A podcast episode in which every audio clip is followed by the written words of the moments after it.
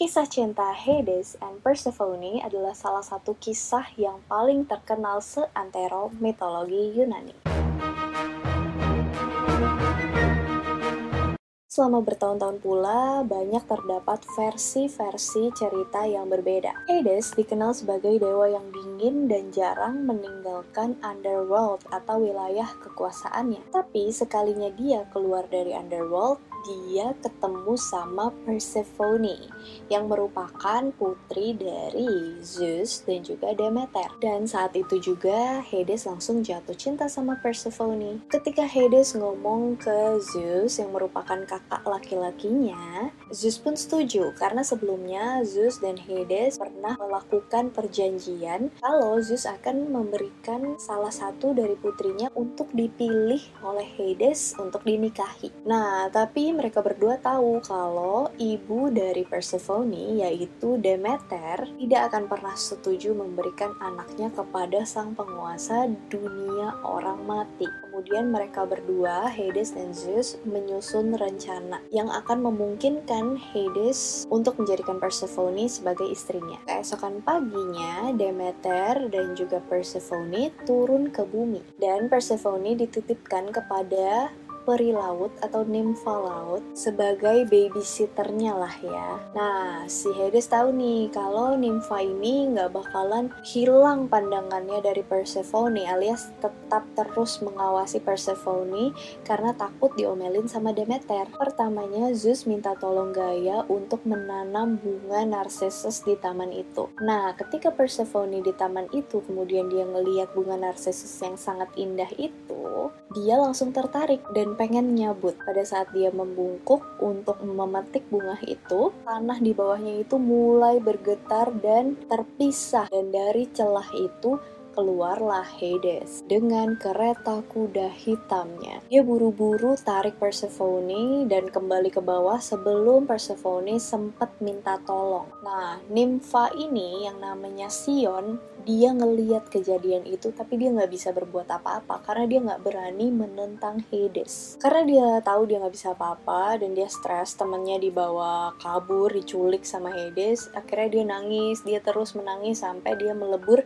dirinya sendiri menjadi sungai dan terbentuklah sungai Sion ketika Demeter kembali dia nggak bisa nemuin putrinya. Terus dia mulai hopeless, dia tanya ke semua nimfa yang ada di situ. Mereka nggak berani jawab. Marah, banget karena mereka gagal melindungi Persephone, akhirnya Demeter mengutuk nimfa-nimfa yang ada di situ, peri-peri cantik loh ya nimfa itu, menjadi siren. Tubuhnya jadi berbulu, kaki dan sayapnya bersisik. Akhirnya dia tahu kalau si Persephone dibawa kabur sama Hades. Demeter sangat-sangat marah. Dia tahu something wrong, ada kejadian yang nggak beres yang menimpa putrinya, dan dia berkeliaran di bumi selama berhari-hari untuk mencari putrinya, tapi nggak ketemu. Dia nggak memenuhi tugasnya selama berhari-hari dia mencari Persephone itu sebagai dewi kesuburan. Akhirnya bumi mulai mengering, panen mulai gagal, tanaman layu, dan binatang pun mati.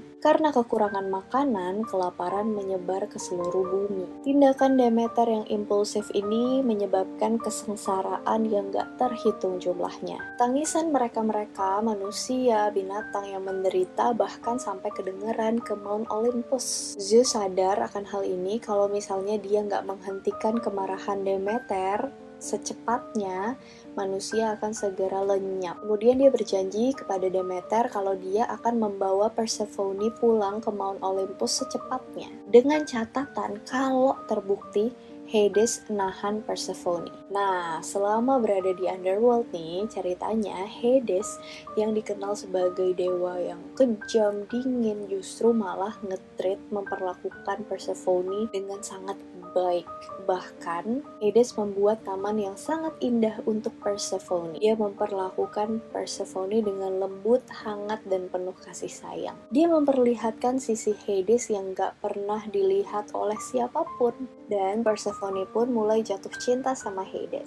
Kemudian Hades mendengar kabar kalau Zeus akan menyiapkan keretanya untuk menjemput Persephone dari Underworld untuk kembali ke Mount Olympus atas permintaan Demeter. Tapi dia takut nih, dia nggak percaya diri. Kayak gila. Kalau misalnya dia kasih Persephone pilihan untuk mau pulang atau mau tinggal, ya dia takutnya Persephone nggak akan balik lagi ke Underworld. Jadi dia kasih hadiah terakhir, satu hadiah terakhir yaitu buah delima. Dalam mitologi Yunani diyakini jika seseorang yang makan makanan yang diberikan oleh penculiknya, dia akan kembali lagi kepada penculiknya. Nah, ketika sampai nih di Mount Olympus, udah ketemu Zeus dan Demeter, ketika Persephone ditanya, sebenarnya kamu mau tinggal di Mount Olympus atau di Underworld? Persephone memilih untuk tinggal bersama dengan Hades. Demeter marah besar, dia menganggap Persephone pasti ditipu sama Hades. Setelah perdebatan sengit, Demeter memutuskan kalau sampai Persephone nggak mau kembali ke Mount Olympus, dia juga nggak akan memenuhi tugas dan tanggung jawabnya sebagai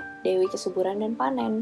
Dia nggak akan pernah lagi membuat bumi subur. Zeus sebagai penengah akhirnya memutuskan untuk Persephone menghabiskan setengah tahun bersama suaminya di Underworld dan setengah tahun sisanya akan menghabiskan di Mount Olympus bersama dengan Demeter. Nah, porsi waktu ini tuh berbeda-beda tergantung ceritanya. Jadi ada yang bilang karena Persephone makan 6 biji delima, jadi dia menghabiskan 6 bulan di Underworld bersama dengan Hades dan 6 bulan sisanya dengan Demeter.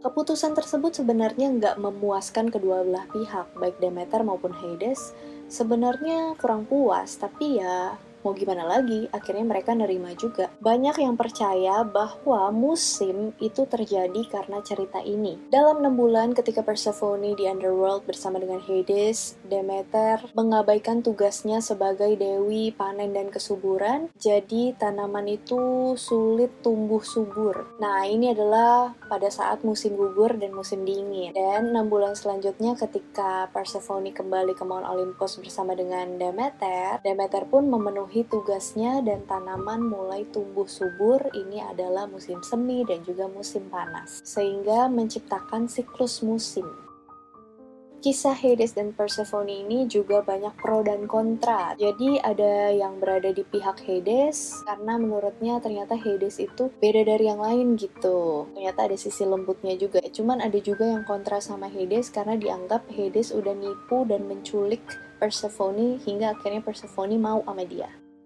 Nah, versi yang selanjutnya, jadi ada versi yang berbeda nih dari cerita ini.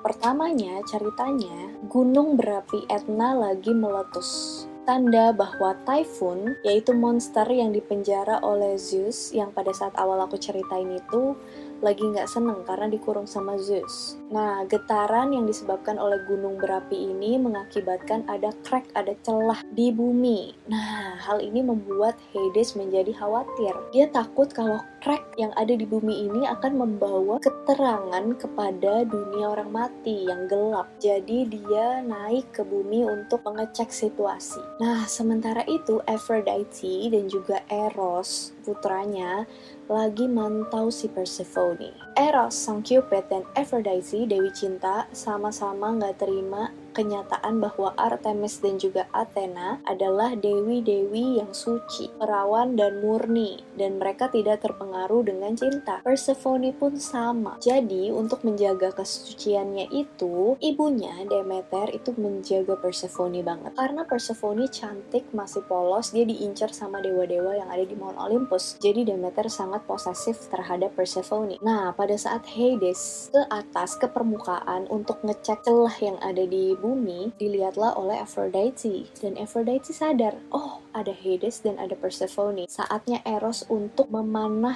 Hades untuk jatuh cinta kepada Persephone. Kemudian Eros pun memanah Hades dan Hades nggak berasa apa-apa karena panah dari Eros, panahnya Cupid itu nggak bisa dideteksi oleh siapa pun. Ya udah, pas dia lihat Persephone langsung jatuh cinta. Kemudian mumpung lagi ada celah, dia langsung ambil Persephone dan bawa ke underworld, dunia orang mati. Dan sisanya sama, jadi yang beda di awalnya doang.